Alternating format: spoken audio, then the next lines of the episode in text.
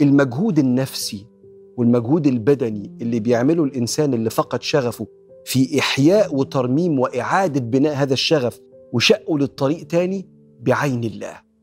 واصبر لحكم ربك فإنك بأعيننا. فأنت أي سعي بتعمله بعين الله وميزانك هيبقى تقيل قوي. وده يكفيك. عوض في الدنيا من ربنا وثقل في الميزان يوم اللقاء. وربنا يتقبل من كل مجاهد في ميادين الحياة.